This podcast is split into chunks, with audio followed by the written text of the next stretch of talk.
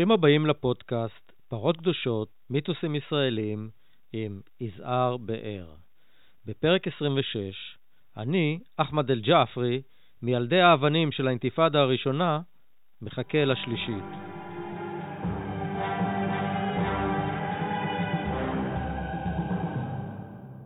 לפני ימים אחדים שמענו את אבו מאזן, הנשיא הפלסטיני, מאבד את סבלנותו הידועה ומסנן מתחת לשיניו את נעמת יחרב ביתק כלפי הנשיא האמריקאי טראמפ בכנס של המועצה המרכזית של אש"ף ברמאללה. בסופו של יום דרשו חברי המועצה מאבו מאזן להתנער מהסכמי אוסלו ולהפסיק את התיאום הביטחוני עם ישראל. מאז החליף אבו מאזן את יאסר ערפאת המת בשנת 2005, הקפיד הראיס הפלסטיני החדש לנקוט מדיניות של אי אלימות ביחסיו עם ישראל, למרות סתירות הלחי החוזרות ונשנות שקיבל ממנהיגי הימין בישראל. אבו מאזן, בניגוד לערפאת, התנגד לשימוש בנשק במהלך האינתיפאדה, והוא עדיין דוגל בקו זה. אך האם יעמוד לו כוחו מול דעת קהל מקצינה ומול המתנגדים למדיניותו בתוך סביבתו הפוליטית? בפרק הקודם שמענו חמישה אנשי ממשל ומחקר ישראלים מהקרובים ביותר לאירועי האינתיפאדה הראשונה, שפרצה לפני 30 שנה, מנתחים את הגורמים והעיתוי של פריצתה, ומספרים על ההפתעה שנגרמה לכל דרגי הממשל בארץ. למרות הבדלי הגוונים בין הדוברים, נעדרה מהשיח נקודת המבט הפלסטינית. לפיכך, יוצג כאן קול נוסף, קולו של אחמד אל-ג'עפרי, מבני הדור הצעיר של מחוללי האינתיפאדה הראשונה. הדברים שנשמע כאן חשובים לא רק כניתוח פוסט מורטום של אירוע היסטורי, שמיליוני ישראלים ופלסטינים שנולדו אחריו אינם זוכרים אותו ולא חוו אותו. נדמה לי כי דבריו חשובים דווקא מול קולות הרקע הנשמעים כיום בבונטון הציבורי המעצב את המיתולוגיה הישראלית, על מותו של חזון שתי המדינות, על חדלונה של הרשות הפלסטינית ועל מה שנראה כמו התפוררות הלאומיות הפלסטינית מול הצלחת מפעל ההתנחלויות הישראלי, שאולי כבר עבר את נקודת האל-חזור. אבל הפלסטינים אומרים שהם לא הולכים לשום מקום, וכי בתוקף הנסיבות, אינתיפאדה שלישית, בוא תבוא. אחמד אל-ג'עפרי נולד ומתגורר במחנה הפליטים דאעשה, ליד בית לחם. אני מהדור שזרע את הזרעים של האינתיפאדה הראשונה, הוא אומר. ב-1985, כשהיה בגיל 12, נעצר לראשונה על יידוי אבנים שלא פגעו באיש ולא גרמו נזק, ונידון לארבע שנות מאסר. מאז נעצר ונכלא עוד כמה פעמים. בתקופת מאסרו למד עברית והפך למתרגם מוסמך.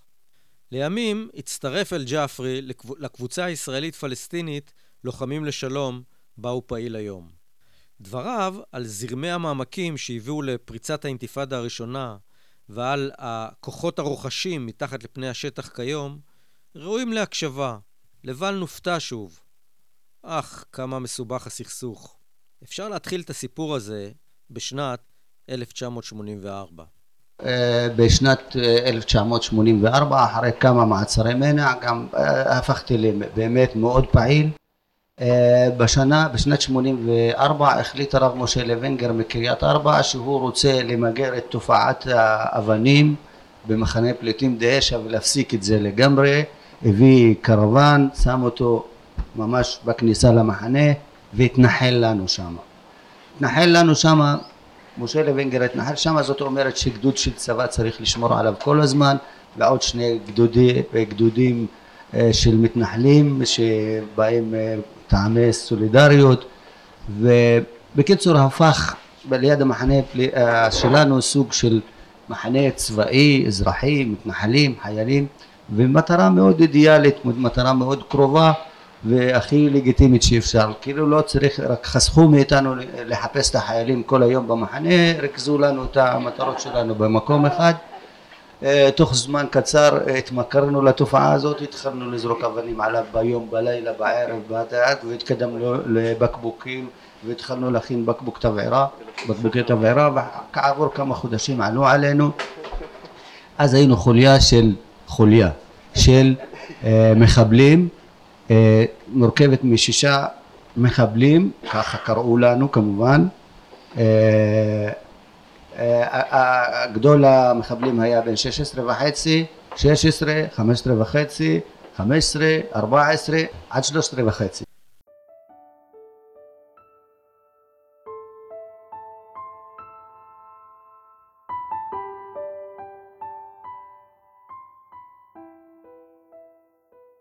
באותה תקופה, כשהגיע שר הביטחון הטרי, יצחק רבין, לבקר בבית לחם, פנה אליו ראש העירייה, אליאס פריג', בבקשה לסלק את המתנחל שהתיישב כקוץ בבשרם.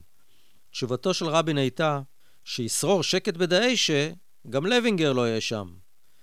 בשיחה שקיימתי איתו השבוע בטלפון על שורשי האינתיפאדה הראשונה ועל הגחלים הרוחשות לקראת אפשרות של אינתיפאדה שלישית, היה אחמד אל-ג'עפרי בביתו בדאעשה. אפשר להאזין לשיחה ואפשר גם לקרוא את התמליל שלה כאן באתר. ניתן גם להאזין לסיפור חייו של אל-ג'עפרי, כפי שסיפר לעמיתיו הישראלים בלוחמים לשלום, באמצעות הקישור המופיע בסוף תמליל השיחה. הקשבת לתוכנית, לפרק על ה... כן, שמעתי, כן. אז למה בשנת 87, ולא עשר שנים לפני, עשר שנים אחרי, למה ב-87 התחילה ההתקוממות? אה, ב-87 זה בוא נגיד היה פיצוץ, היה השיא, אבל כן. בעצם אה, זה התחיל בתחילת שנות ה-80, 81, 82, 83, ולמה אני, למה דווקא זה ב... תראה כמה סיבות. אני שמעתי את הדוברים שלך, אחד מהם, אני לא זוכר מי הוא, ניצח בצורה טובה את. כאשר אה, אה, הנקודה המאוד מרכזית לדעתי בסיפור, קודם כל דור חלש. אני מדור שגדל על סיפור שאומר שאנחנו גורשנו, אה, לא היה לנו כוח, ושבע צבאות ערב לא יכלו לעשות כלום עם הדבר הזה. כלומר, מה שרצו להנחיל לנו, שזהו, אנחנו, אין לנו מה לעשות, אנחנו לא יכולים, אנחנו מחכים לשמיים. כן. אתה יודע, אנחנו לא למדנו נרטיב בבתי הספר. הנרטיב הפלסטיני בכלל התחיל אה, רק אחרי הרשות התחיל להתכתב באופן רשמי. אנחנו כן. ינקנו את הנרטיב מפה לפה ומאימא ומאבא ומסבא ומסבא. ולכן אנחנו התחלנו אה, החלטה של דור למרוד בנרטיב הזה. ולמרוד בכניעה המושלמת הזאת, שאנחנו הפכנו לפועלים, וזה המצב שלנו, ואנחנו הולכים לחיות ככה, כאילו עבד, עבדים לעוד דורות. לכן בא הדור שכפר פשוט בעובדה הזאת, כי, דבר שהפך לסוג של אה, דבר שאנשים משלימים איתו. ואני חושב שזה התחיל בשנת ה-80, בשנות ה-80 דווקא. והדבר והגורם המרכזי השני שחשוב מאוד, שהוא תחילת מפעל ההתנחלויות. כאשר לפתע אנחנו דור שגדלנו אה, אה, לראות שפתאום הכביש הראשי שלנו הפך לכביש של מתנחלים. כן. כביש שיכלנו לחצות בשנייה, פתאום היינו צריכים לעבוד, לעמוד רבע שעה כדי אה, שנוכל לחצות את הכביש.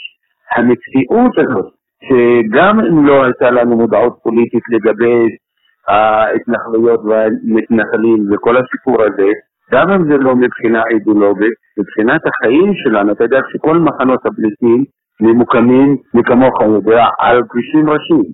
כן. הכבישים הראשיים האלה לרגע הפכו לכבישים מאובטחים, אה, בשנת ה-80, 81, 82 התחלנו לזרוק אבנים, אז היה צריך לאבטח את הכבישים, הנוכחות הצבאית שמאוד מאוד מאוד אה, באה לידי ביטוי בתקופה הזאת בצורה אינטנסיבית, והחיכוך עם הצבא ועם המתנחלים, בנוסף לכל מה שאמרתי לגבי הדור שחלף והדור האחר שקיבל את הנרטיב התבוסתני הזה והחליט למרוד בו, נרטיב של אבא וסבא שבוכים על הכפר שהיה ועל הטוב והשפע שהיו בו ועל החיים השקטים והטובים, שברגע הפכו לפליטים חסרי הכל. כאשר גידלו אותנו, בעצם בקושי הכינו אותנו.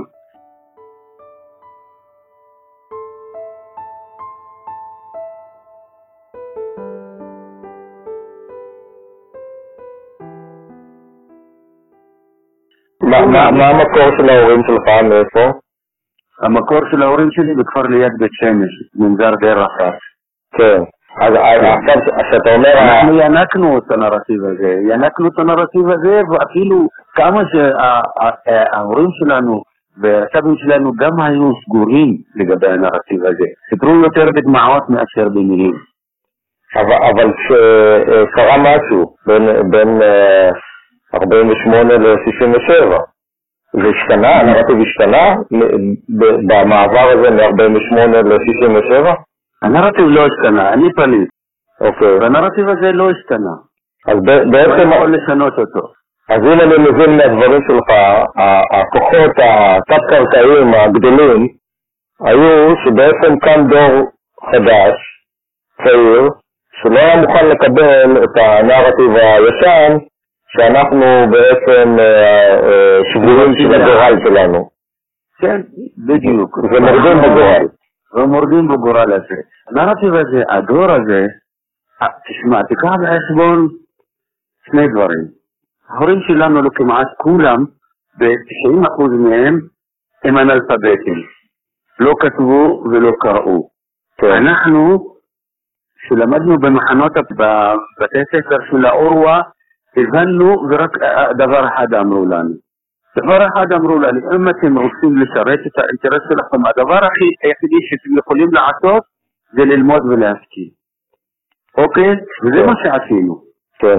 ומזה הבנו, כאילו היינו אנשים שיכולים ללמוד, יכולים לקרוא, יכולים, יכולים, והבנו אולי שרוב התבוסה שלנו היא בגלל הבורות שלנו. כן.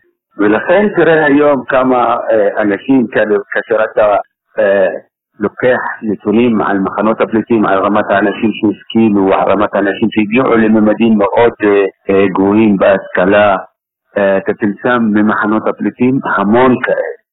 כי לרגע מסוים חשבנו שזה פיצוי על ככה שנאו אותנו. תלמדו, תשכילו וככה.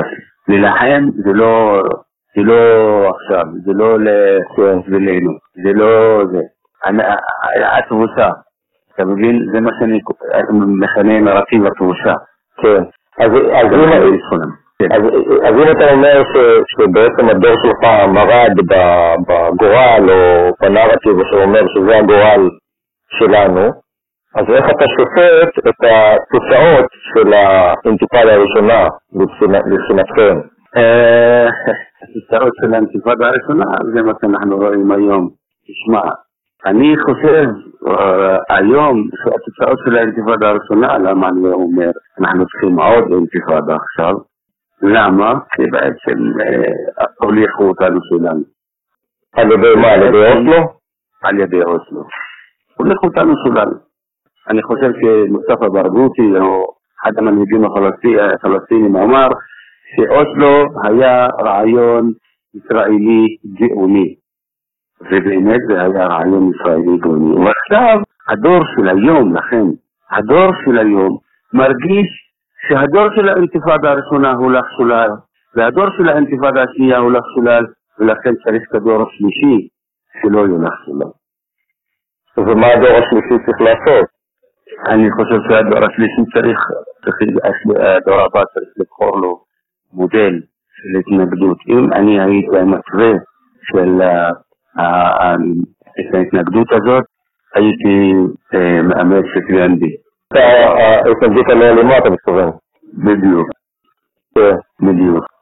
אבל מה הדור חושב? הדור החושב, הדור היום של היום, בעיקר מאוכזב מכל ההנהגה שלו, התהליך אוסלו הצליח בגאוניות שלו ליצור שכבה, ההנהגה הפלסטינית, בעם הפלסטיני, שכבה מאוד עבה, שטוב לה עם הכיבוש, שהאינטרס שלה קשור בהמשך הכיבוש.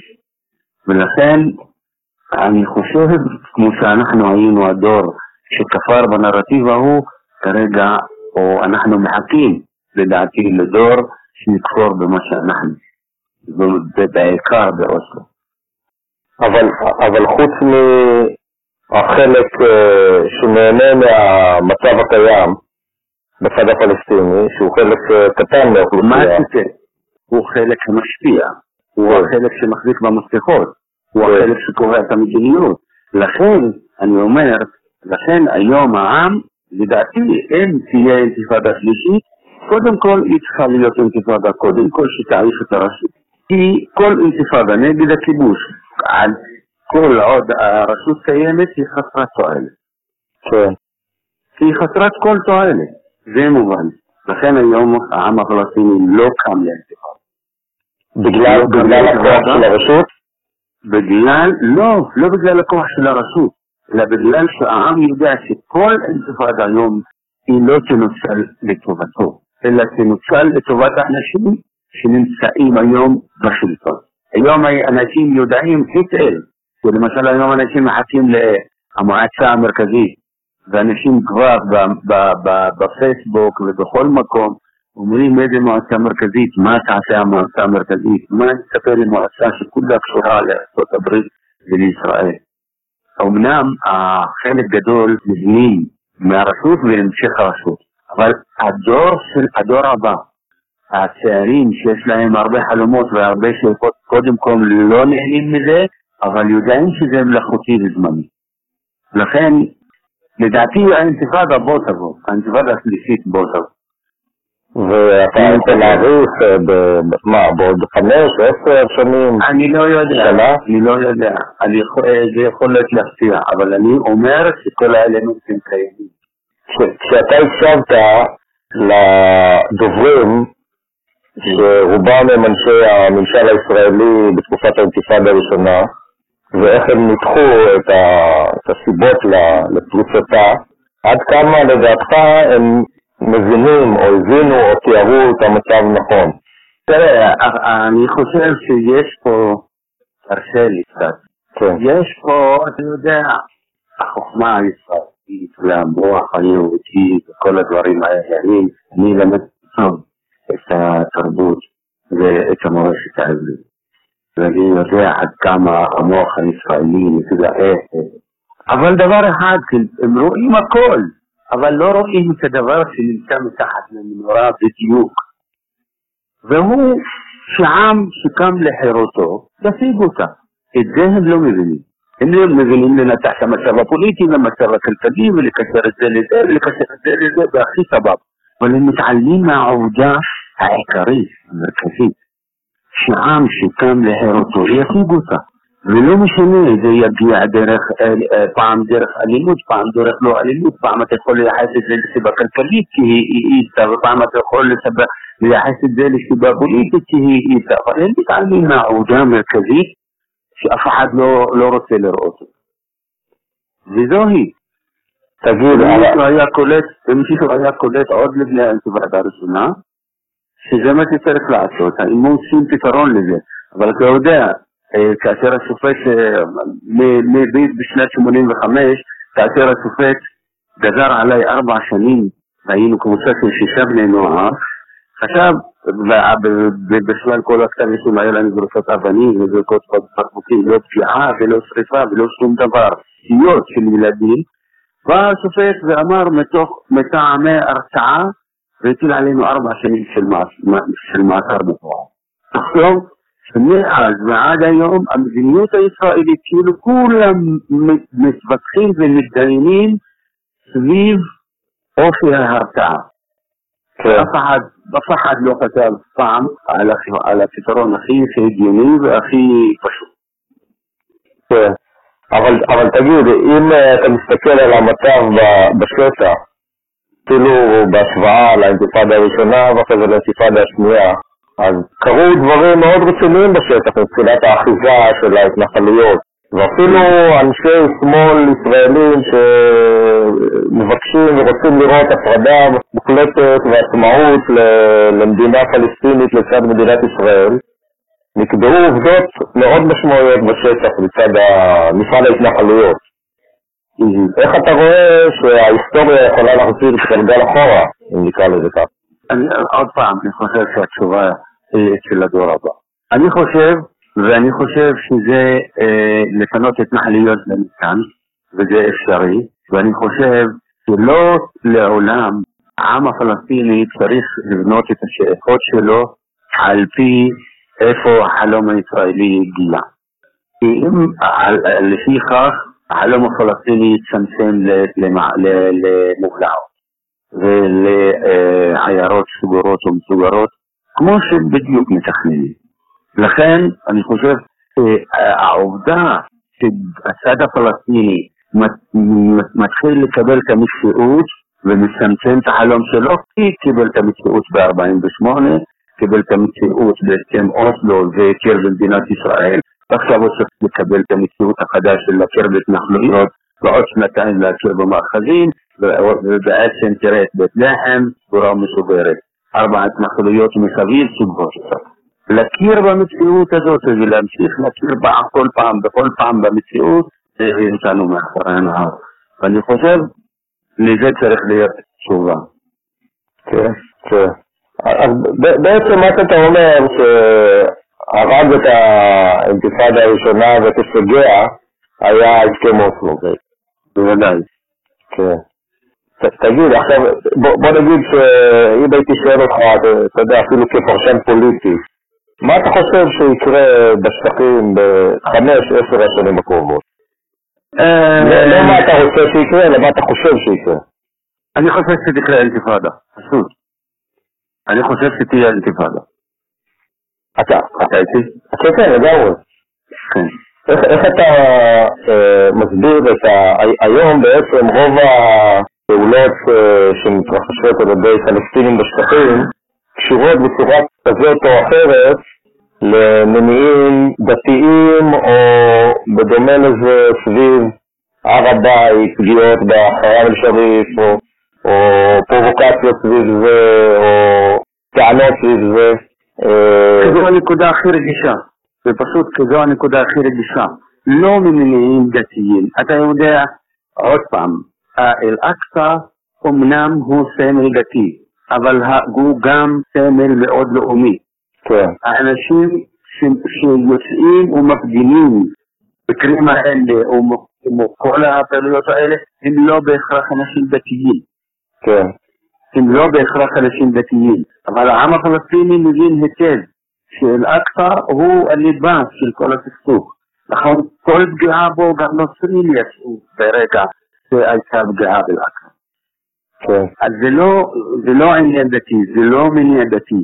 ואקצא יש בו הרבה יותר גם מניע לאומי. כן, אז יכול, יכול להיות שבסופו של דבר הפיצוץ הבא אולי יהיה סביב נאצה. אה, אני מניח שכן, סביר להניח שכן. סביר להניח שזה הוא שיסוצץ. אבל אני חושב שמבעבעת. אני אישית חושב שהאינתיפאדה מבעבעת מתחת לשטח. אם כן. תשמע את כל פעם שנכנסים חיילים לבית לחם, ליד דאעש ליד מחנות הפליטים, לעצור או לעשות כל פעילות, תראה שמה צעירים, ילדים, בני נוער, צמאים, צמאים לבוא במגע עם החיילים, צמאים להתנגד באמת בצורה אקטיבית, צמאים להתעמת עם החיילים, כן. לא רואים בעיניים. כן. פשוט דור שלא רואה אופק. כן. אז אם, אם היית נותן עצה למנהיגים הישראלים, איזה עצה היית נותן? שיפסיקו לחשוב על הכוח ועל ההרתעה, ובאמת לחשוב על לפתור את הבעיה. זה פועל לטובת שני הצדדים. כן. ואתה מאמין שפתרון של שתי מדינות הוא עדיין אקטואלי, יכול לקרות? אני חושב שכן, הוא עדיין אקטואלי. מי שיצר את המכשול, והמכשול הזה נוצר ביד מכוון. היישוב, היישוב המתנחלים בשטחים, בניית ההתנחלויות, זה לא אנשים שקמו ועשו את זה מעצמם, אם כי יש כאלה. ובהכוונה, ומאחורי זה יש אידיאולוגיה. מי שיצר את המצב המלאכותי הזה, הוא צריך לשלם את המחיר ולשנות אותו. כן. או שיקבלו, יש עדיין אה, נוסחאות אחרות, כמו הפתרון אה, של אה, מדינה אחת או מולדת אחת מדינות. אתה יודע, הוא של לשרטט פתרון זה לא, זה לא מכשול. כלומר היום נותן לאדריכל, יכול לשרטט לך פתרון ולקשור מנהרות וגשרים ולייצר מצב יפה עדיין, ולא להוציא אף אחד מביתו, ולארגן, אבל צריך כוונות בשביל זה. זה פשוט צריך כוונות. ריאלי, לא ריאלי, פתרון שתי מדינות לא ריאלי, יש עוד הרבה פתרונות ריאלי. צריך כן. לרצות לעשות, כן. להגיע לפתרון. וכשרוצים להגיע לפתרון זה לא בעיה, הכל כן. יכול להיות ריאלי. כי היום הטכנולוגיה יכולה לפסח כל בעיה. כן.